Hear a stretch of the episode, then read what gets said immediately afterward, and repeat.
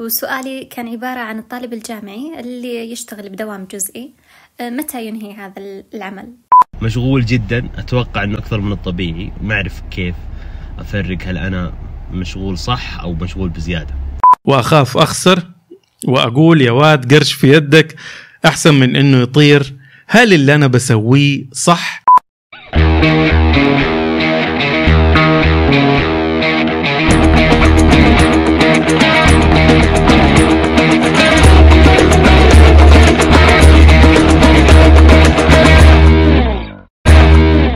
أخيرا فضة الأسئلة. السلام عليكم معكم ياسر بكر وحالي هو أحسن مما أستحق وأتمنى أن حالكم هو أحسن بكثير حتى مما تتمنون.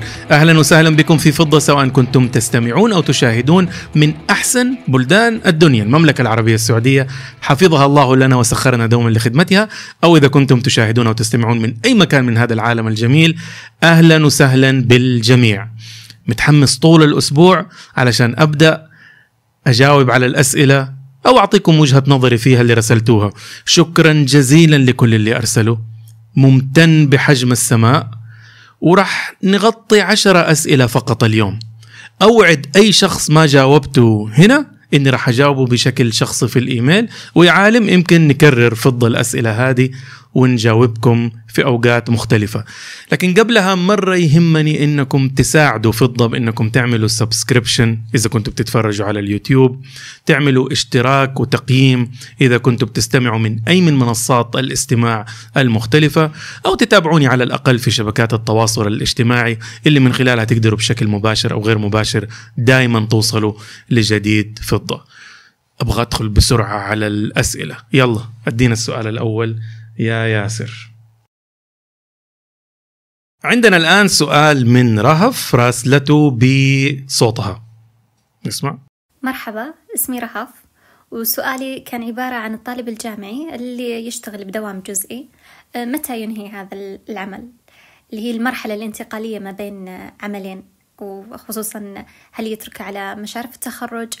آه، أم يترك العمل هذا بعد ما يتخرج ويبدأ برحلة بحث من جديد. آه، وشكرا. أتمنى لكم يوم جيد. يلوموني في هذا الجيل. يعني عشان كده اللي يقولوا لي فضل ليش بتكلم كثير اللي تحت 25 أو أو الطلبة؟ لأنه جيل فظيع مركب مخه بشكل مختلف. هي رهف تبغى تعرف أو يا رهف أنت تبغى تعرفي يمكن لك أو لغيرك هل متى أوقف العمل الجزئي؟ وأبدأ أستعد إني أشتغل بوظيفتي. بشهادتي في الوظيفة اللي أنا أبغاها لأنه ممكن تكون عملك الجزئي ما له أي علاقة في تخصصك الدراسي لكنه عمل جزئي لأنك تبغي تزودي خبرة أو تبغي تحتك بالناس أو يمكن يكون ليه علاقة فأنت بتتخصصي تسويق وبتدرسي عمل جزئي في التسويق فممكن أوتوماتيكلي بمجرد ما تتخرج تشتغلي فيه. الاستثناء لكلامي حيكون للي بيشتغل دوام جزئي وقت الجامعة لأنه يحتاج يحتاج فلوس يحتاج أكل. هذا هذا يشتغل طول الوقت. آه إنما الموازنة بين الدراسة والعمل الجزئي أحس أغلب الطلبة إذا اشتغل وهو بيدرس ممكن حماس الدراسة عنده يزيد. أعتقد إنه آه، مشكلة الناس اللي ما هم موفقين في الجامعة مو إنه ما عنده وقت إنه عنده مرة كثير وقت. ويمكن يمر شهر مفتقد إذا أنت ما كنت بتشتغل فيه وما بتدرس فيه كمية الصدى اللي راح تطرأ عليك ضخمة. فعلى الأقل تكون بتشتغل علشان مخك وجسدك وجلادتك تكون بصحتها الكويسة. أنصح جدا يا رهف إذا رجعنا للموضوع بأنه الواحد يشتغل ويدرس لأنه التخرج في ذا الزمن ولسوق العمل الحالي بشهادة وخبرة أي نوع من أنواع الخبرة مفيد آه، جدا. طبعا إذا حبيتي تاخذي break في ال term الأخير للتركيز إذا ما أنت متأكدة إنه إذا هذه الوظيفة أدت دورها وهي إضافة lifestyle معين لسنواتك في الجامعة ممكن إنك تعملي هذا ال pause لو مضطرة. غير كده لا تغير الروتين على آخر سنة. وتقدري في أي لحظة أصلا تستقيلي لو لقيتي من إنه مشروع التخرج أو السنة الأخيرة ضغطتك. لكن التخرج بشهادة وخبرة جدا مفيد. السؤال من عبد الله يقول دائما أجيب أفكار جنونية لمشاريع صغيرة وبراس مال صغير على قدي وأكون واثق من نجاحه لكن في آخر لحظة أبطل من الموضوع وأخاف أخسر وأقول يا واد قرش في يدك أحسن من إنه يطير هل اللي أنا بسويه صح؟ شكرا يا عبد الله آه، أتأكد في الأول خوفك هذا فعلا خوف إنه الفلوس تطير ولا هذا اللي بتقوله لنفسك؟ لأنه أغلب الأحيان يكون الخوف أنت خايف من الفشل لأنه أنت ملك الأفكار. تخيل عملت مشروع وفشلت فيه. كل الناس يقعدوا يقولوا آه أنت اللي قاعد تنتقد كل حاجة ما عرفت تظبط مشروعك. فممكن يكون في خوف من الفشل موجود. وممكن يكون في خوف من الجهد يا محل الأفكار. لكن وقت الجد يعني تخيل إيش إيش في فكرة مشروع؟ تخيل إني جبت فكرة business ورق عنب تمام؟ ورهيب خلطة غير صوص غير تستخدم ورق مو عنب. ما ما أدري إيش بتسوي. ولا ال- الرز برا. فصار زي السوشي ها؟ ورق العنب جوا وال... فأنت جايب سوشي سوشي عنب. يا سلام على الأفكار. هي تعال وقت التنفيذ. شوف مين اللي حيلف الرز على العنب شوف مين اللي حيشتغل. فممكن يكون عندك خوف من الجهد اللي هذا المشروع راح يفتحه عليك أو خوف من الفشل. لكن ما ينفع تقول كده. فتقوم تقول أنا عندي خوف من إني أضيع فلوسي. الآن عبد الله ممكن بتسمع وتقول سلامات من فين تعرفني يا ياسر؟ أنا أنا عارف إيش بقول. أنا خايف على ال 15000 ريال حقتي. فإذا فعلا فعلا أتأكدنا إنه أنت خايف على فلوسك. الحل اللي ممكن تعمله في شيء في ال business اسمه minimal viable product مين ياسر ولا محمد؟ أحد يقدر على جوجل يشوف لي minimal viable product بالعربي يعني إيش؟ أو إذا في توصيف دقيق لها. ال minimal viable product هو أصغر منتج تقدر تعمله يختبر الفكرة النهائية حقت المشروع. يعني بدل لو تبغى تبدأ مشروع ما يحتاج تفتح الشركة ولا المؤسسة ولا تبدأ. تبدأ تسوي أصغر stereotype ينفع ينزل السوق ويديك فكرة. فلو فرضنا عبد الله ولا غيره يبغى يبدأ business حق جوالات ولا خلينا نقول خلينا نقول يوغا. خلينا أبغى أجيب شيء غريب. يوغا تمام؟ فعبد الله يبغى يفتح يوغا استوديو مكان تروح تلعب فيه يوغا. وسماه يوغا فن ولا يوغا يوغا السلام أو أو يا سلام يوغا.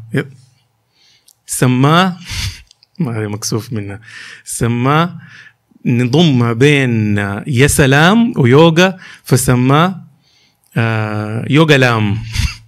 سماه يوغا لام. وراح اشترى ال domain اللي اسمه يوغا لام dot SA. ال minimal viable product أو المنتج الأقل مو إنك تروح تستأجر آه، ملعب في مدرسة بعد الدوام أو قاعة وتجيب المدرب. في منتج أصغر تقدر تختبره. تقدر تروح لمدرب يوغا وتقول له لو اشتغلنا مع بعض كم حتكون أجرتك وتكاليفك وتحسب تكلفته على الحصة؟ وتقول له لو جبت هذا العدد من الناس أقدر أبدأ أروج ولو جاء العدد نعمل ال class فهو اداك ال okay فتاخذ معلومات مدرب اليوغا ده وتحطه في الموقع هذا يوغا لام dot SA ما كلفك ال- اللوجو ولا فكرته ولا تكاليفه ولا 3 ريال. وبعدين تروح لاستوديو أو حديقة أو مكان نفس المنظر تقريبا حق لما تفتح يوغا لام راح يكون. وتصوره وبال Photoshop تضيف آه، جيب yoga mat في الأرض حط في الجدار بال Photoshop صورة واحدة مسوية كده ومكتوب السلام يبدأ من الداخل ولا صوره صورة فيتنام صورة أشياء كده مو فيتنام ما أدري تايلاند ولا ولا الدول هذه حقت ال... حقت اليوغا وتشوف كم عدد الناس اللي ما تعرفهم اللي مستعدين يشتروا في آه في في هذا أحد عرف الاسم؟ إيش طلع معك شيء؟ قول. آه، الحد الأدنى من المنتجات القابله للتطبيق. الحد ال minimal viable product هو الحد الأدنى من المنتجات القابلة للتطبيق زي في الرياضيات القاسم المشترك الأصغر وغيره. فتقدر في هذا المشروع الناس تدخل على يوغا لام تبغى تشتري اللي يدخل لصفحة الشراء ويضغط يطلع له عذرا. الموقع لسه مو شغال ولا حنكلمك لما نشتغل. إذا اتصل بك وأرسلت أرسلت له link الزبون الموقع ودخل عليه يقول له برضه عذرا بعدين تقول له آه عندنا مشكلة وأول ما تبدأ الكلاسات تشتغل. بس حديك فكرة. إذا كل اللي اشتروا في يوغا لام خمسة تعرف قديش المنتج هذا قابليته كويسة. إذا اللي اشتروا خمسين تعرف إنه عندك شيء كويس.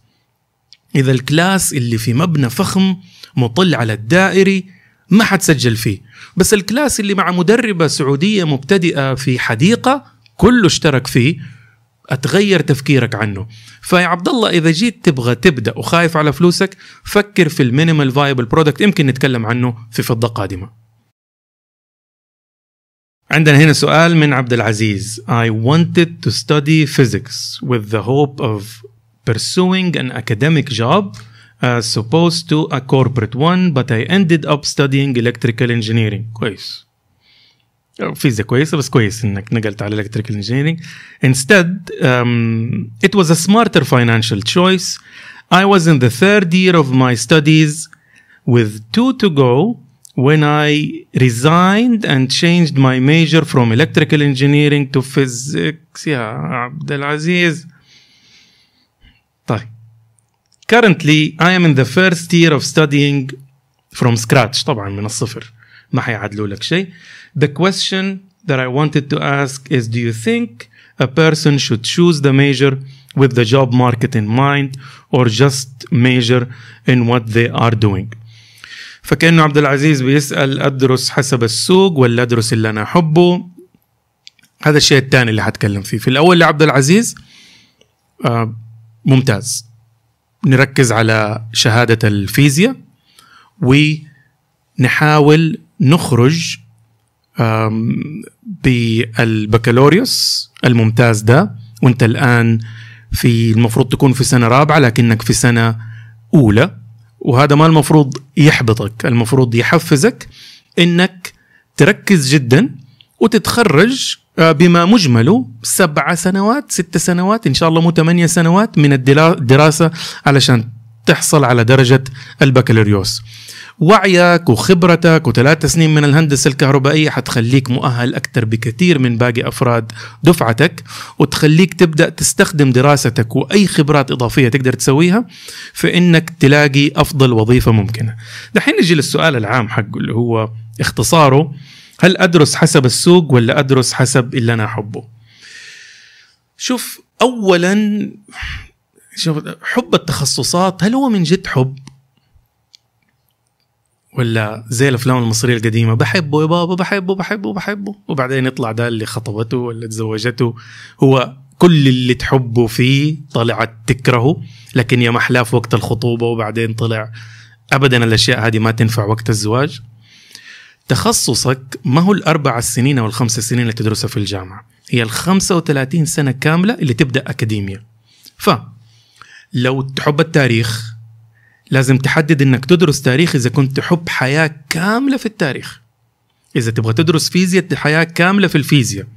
فأنت حتشتغل 30 سنة 25 سنة 30 سنة بهذه الشهادة. الدراسة أول أربع سنين من هذا الوضع. فما ينفع إنه هذه العشرة في المية لأنك تحب تدرس فيزياء لكن هل تحب تشتغل في الأماكن اللي تجيب لك وظيفة فيها الفيزياء؟ اللي هي غالبا القطاع الأكاديمي. مدرس فيزياء شغال في المناهج حقت الفيزياء معيد آه، بروفيسور محاضر في الفيزياء. هل أنت تبغى ما تبقى من حياتك بعد الشوية شهر حق الخطوبة حق الجامعة هل تبغى تقضي كامل حياتك في حياة زواج مع الفيزياء؟ يعني تشتغل في قطاع التعليم تدرس فيزياء تانية ثانوي بعدين فيزياء تانية متوسط بعدين فيزياء في فيزياء في تاني متوسط. في أعتقد في. على أيامي في كنا بلوح حديد خشب كده ندرسها وفي أو إنك تدرس في الجامعة فيزياء 101 فيزياء 101 فيزياء 101 فيزياء 101 اللي ذكرته دوبني سنتين ونص ما ما ذكرت وقت مرة طويل وقدك قدك طفشت. ففكر في إنك تحب المشوار كامل. إذا حبيته حبيت الفيزياء كتخصص. أو أي تخصص وحبيت الوظائف اللي يفتحها جو فور ات إنما الأولى في نظري تخلي واحد من أهم العناصر اللي تختار التخصص على أساسها إنك تقع في حب ما بعد الدراسة أكثر من إنك تحب فترة الدراسة. ده رأيي. عندنا سؤال من محمد وراسل لنا هو فيديو. آه، السلام عليكم. أهلا أستاذ ياسر. أهلا كل اللي يشاهدون برنامج فضل جميل جدا. آه، حالي هو أفضل مما أستحق. آه، حاجتين حاب أذكرها بشكل سريع. في اللي أواجهه في عالم بزنس أو المشروع أو ايا كان. الحاجة الأولى مشغول جدا. أتوقع أنه أكثر من الطبيعي. ما أعرف كيف أفرق هل أنا مشغول صح أو مشغول بزيادة. لأنه جالس أفقد حاجات مهمة جلسة مع الأهل ترفيه حياة شخصية آه حاجات كثير الشيء الثاني آه غالبا يكون مصاحب للشيء الأول أو بعده دايركت آه كسل والش- والشغف كامل يروح أتفه الحاجات ما أقدر أقوم فيها. شكرا جزيلا. شكرا يا محمد. توازن في الحياة وإنك لما مرة تكون مشغول بتضحي بأشياء زي إنك تتسلى وعيلتك وأشياء أخرى. في الجواب الصح وفي الجواب الحقيقي. الجواب الصح إني أقول لك الحياة زي اللي هو يعمل جاجلينج هذا في السيرك ووازن بينهم وأتقنها ولا تزود الكرات فلو أبدأ بكورتين بعدين ثلاثة بعدين أربعة بعدين خمسة. هذا أحس ال- هذه الإجابة اللي المفروض أقولها بس الإجابة الصح إنه أنا عشت كتير ولليوم ما عمري شفت شخص حقق توازن.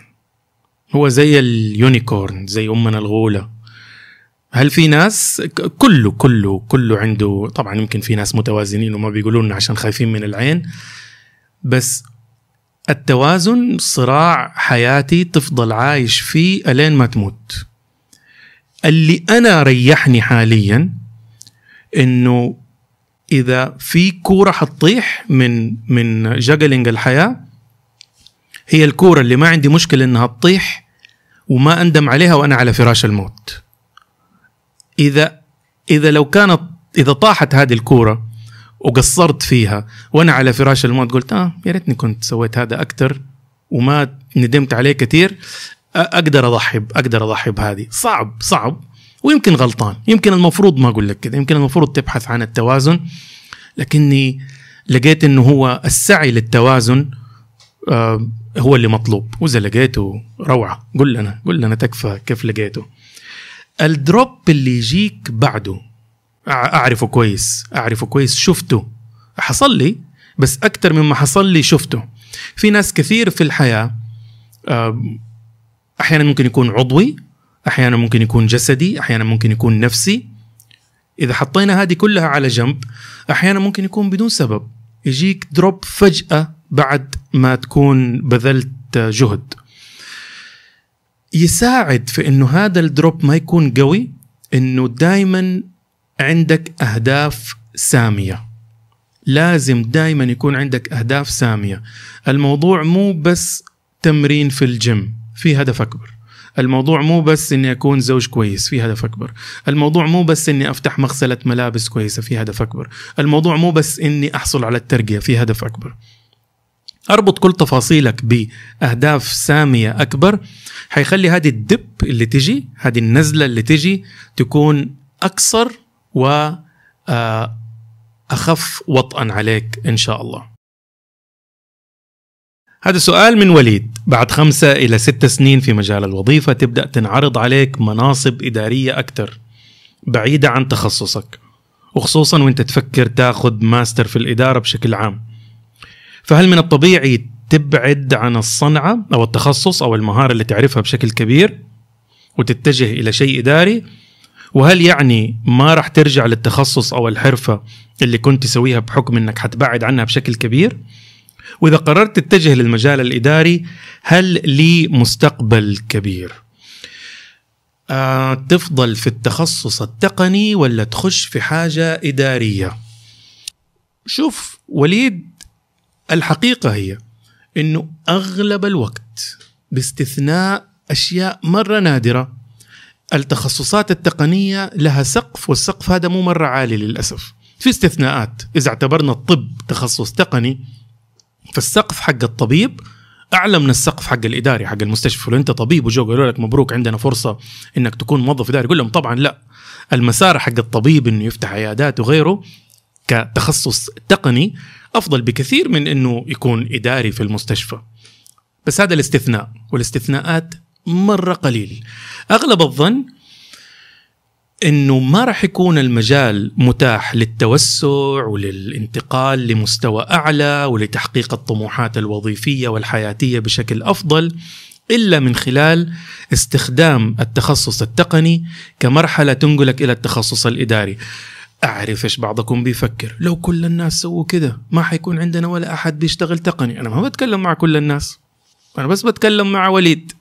باقي الناس صحيح حنحتاج إنه يكونوا الناس بيشتغلوا في المجال التقني لكن بالمجمل الفرص في القطاعات الإدارية هي أقوى إذا خلصت أو إذا ما توفقت في المجال الإداري وتبغى ترجع للمجال التقني بالإحصائيات نادرا تلاقي ناس عندهم هذا التحسر نادرا. كثير ناس يقول لك والله أنا لو جات لو أنا أخذت الفرصة الإدارية كان أفضل. هذا تسمعه كثير. بس قليل اللي يقول لك والله يا أخي أنا لو فضلت في مجال التقني كان أحسن لي. هذه نادرا سمعتها. أغلبهم بيكون وجد حياته في المجال الإداري وشغال فيه بدون أي انقطاع. عندنا الآن سؤال من عبد الرحمن سؤال صوتي. آه، أنا الحمد لله موظف. آه، وأدخر يعني جزء كبير من راتبي ما عندي مصاريف كثيرة. آه، السؤال الآن أنا يعني جمعت مبلغ آه، جيد وما أدري هل كيف ممكن إنه أستفيد من هذا المبلغ على مدى السنوات الجاية؟ هل إنه أدفع تكاليف إكمال الدراسة الجامعية؟ واللي صراحة ما أدري كيف راح تكون الأمانة وما أدري هل بتكون مفيدة أصلا لي في الوظيفة لكن هو يعتبر حلم.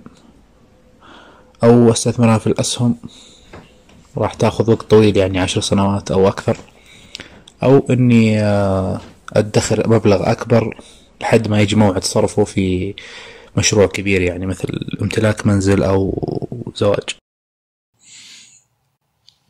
رهيب هذا السؤال. غالبا راح يكون موضوع لفضة قادمة يمكن الجاية أو اللي بعدها أو اللي بعدها بحد أقصى.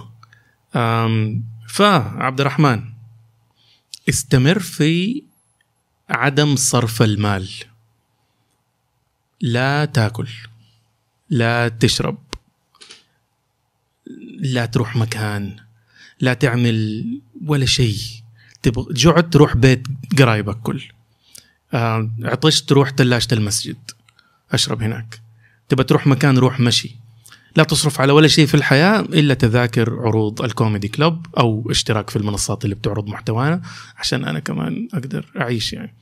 فهذا الشيء الوحيد اللي تصرف عليه حياتك اللي تصرف عليه في حياتك. الباقي كله لا تصرف ولا شيء. مو علشان تعبي الفلوس كأنك عم ذهب في مجلة ميكي لأنه أنت في مرحلة في حياتك الادخار المؤقت ألين ما تلاقي الاستثمار المناسب روعة. أحسن شيء تقدر تعمله الآن إنه جزء من المبلغ تستثمره في شيء زي أنت قلت الأسهم وهذا مو غلط. آه بس لا تضارب في الأسهم أرجوك. آه ممكن في يوم نعمل في فضة شيء عن الأسهم ممكن تشوف محتوى ضخم جدا عن الاستثمار في الأسهم. أبدأ بالسوق السعودي. وهو أهم مكان تشتغل فيه. وحقيقة السوق السعودي إيمانك فيه جزء من إيمانك بالمملكة وجزء من إيمانك برؤية 2030 ف ولازم تؤمن لأنه هذا المشروع مشروع ناجح بإذن الله وإحنا قاعدين نبني فيه فكويس تستثمر في اللي أنت عايش فيه. لكن عندك أيضا الأسواق الأمريكية الأوروبية الأسواق الناشئة الآسيوية. وخليك مستثمر أشتري بعد مشاورة في أسهم قوية وأنساها. يعني في سنك ده توقع ما أنت كبير أه، أشتري مثلا ما أبغى أسوي لي دعايه ولا شيء لكن ما يحتاجوا شهادتي.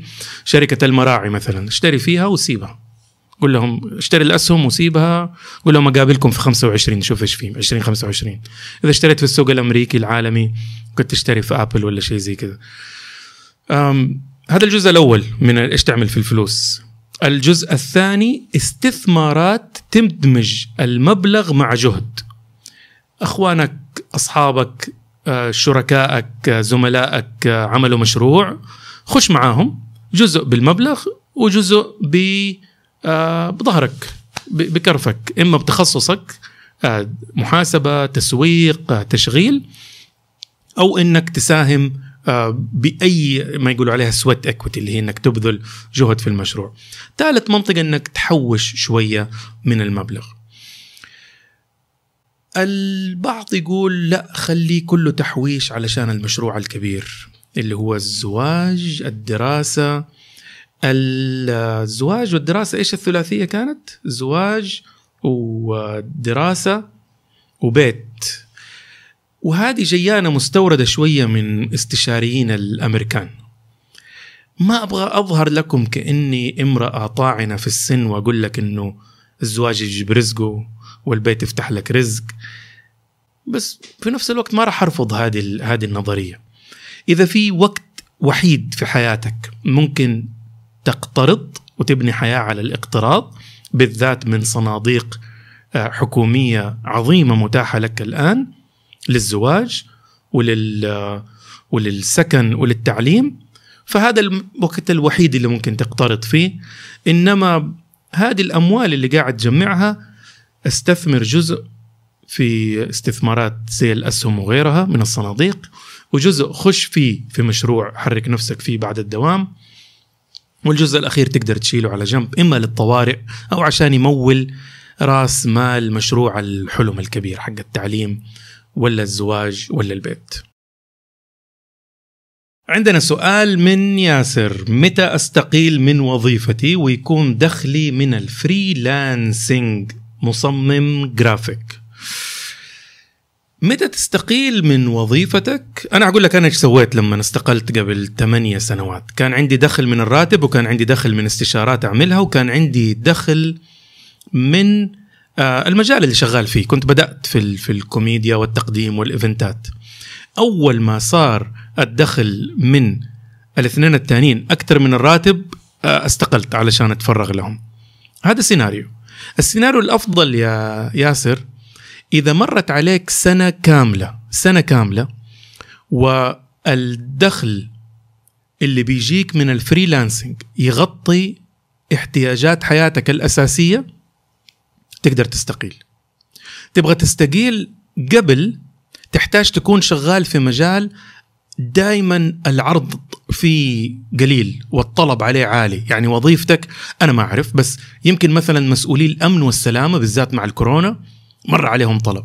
وأنت عارف قطعا إنك لو استقلت وجربت مشروعك في ال graphic design وما ضبط أنت في يومين لفة بسيطة على الهيئة الملكية في الجبيل ولا ينبع حتلاقي نفسك شغال مسؤول أمن وسلامة في واحدة من مصانع البتروكيميكال. أنا ما أعرف بس أعتقد هذا المجال دائما الناس اللي مؤهلين فيه أقلاء. هنا ممكن ممكن تجرب. هنا ممكن مباشرة تركز على ال freelancing لأنه وظيفتك دائما مرغوبة.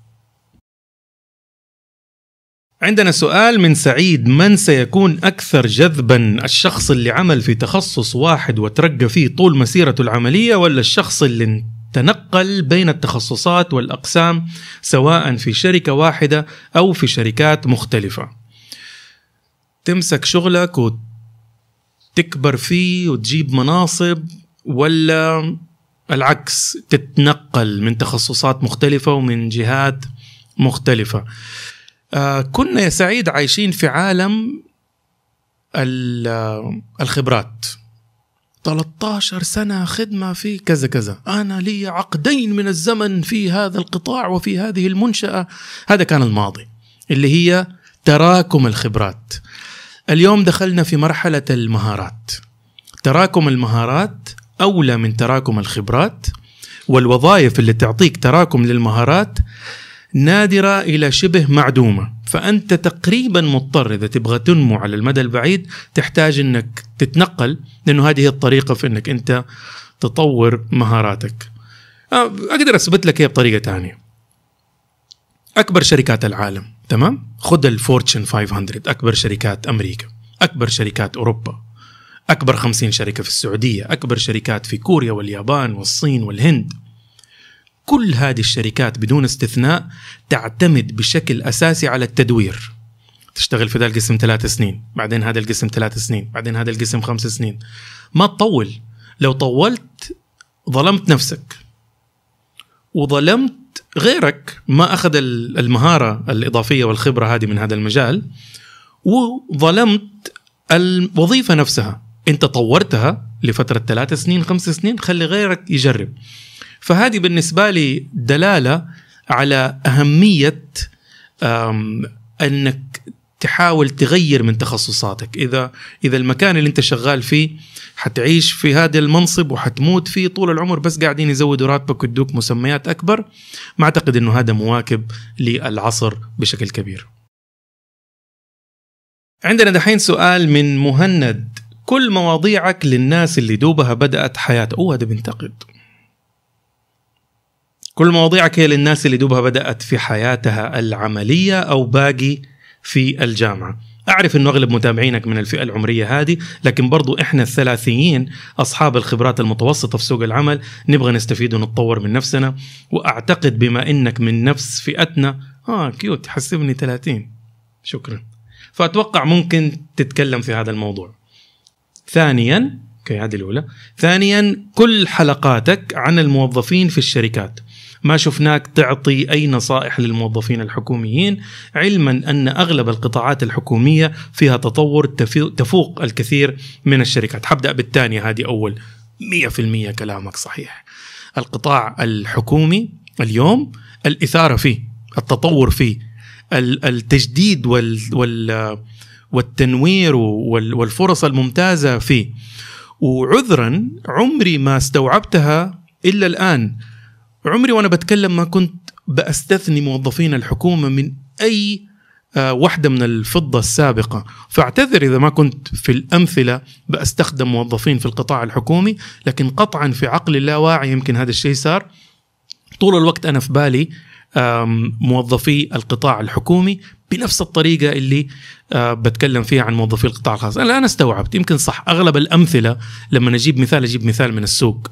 ما بجيب مثال على وظائف حكومية وأوعدك إنه هذا يتغير على أساس أحسس الكل إنه ضمن مركب حديثي. بالنسبة للجزئية الثانية آه كلامك صحيح أغلب أغلب اللي بقوله آه بركز أكثر على اللي أعمارهم تحت 25 سنة وأعتقد إنه آه الكل يحتاج أدخله في الأمثلة والأشياء اللي بقولها وإن كان في الضواحد آه بتتكلم عن إنك تستخدم التقنية آه، والتطوير التقنية في الأدوات التفكير. هذه تنطبق عليك لو عمرك 25 أو 45 آه، النصائح للقطاعات السبعة المستقبلية آه، برضها للجميع. إنما فعلا أقدر أقدر أفهم وجهة نظرك وأوعدك أنه حيكون في شمولية أعلى للناس اللي بتكلم معهم هذه كانت فضل اليوم استمتعت جدا وأنا بقرا الأسئلة وأنا بجاوب عليها. أعتقد أكيد راح نكررها لو عجبتكم أنتم كمان. لا تحرمونا من تقييم هذا المقطع إذا كنتم بتسمعوه أو إذا كنتم بتشاهدوا على اليوتيوب. فأتمنى منكم إنكم تعملوا like share subscribe جرس التنبيهات. وكان معاكم ياسر بكر الله يسعدكم. دنيا وآخرة مع السلامة.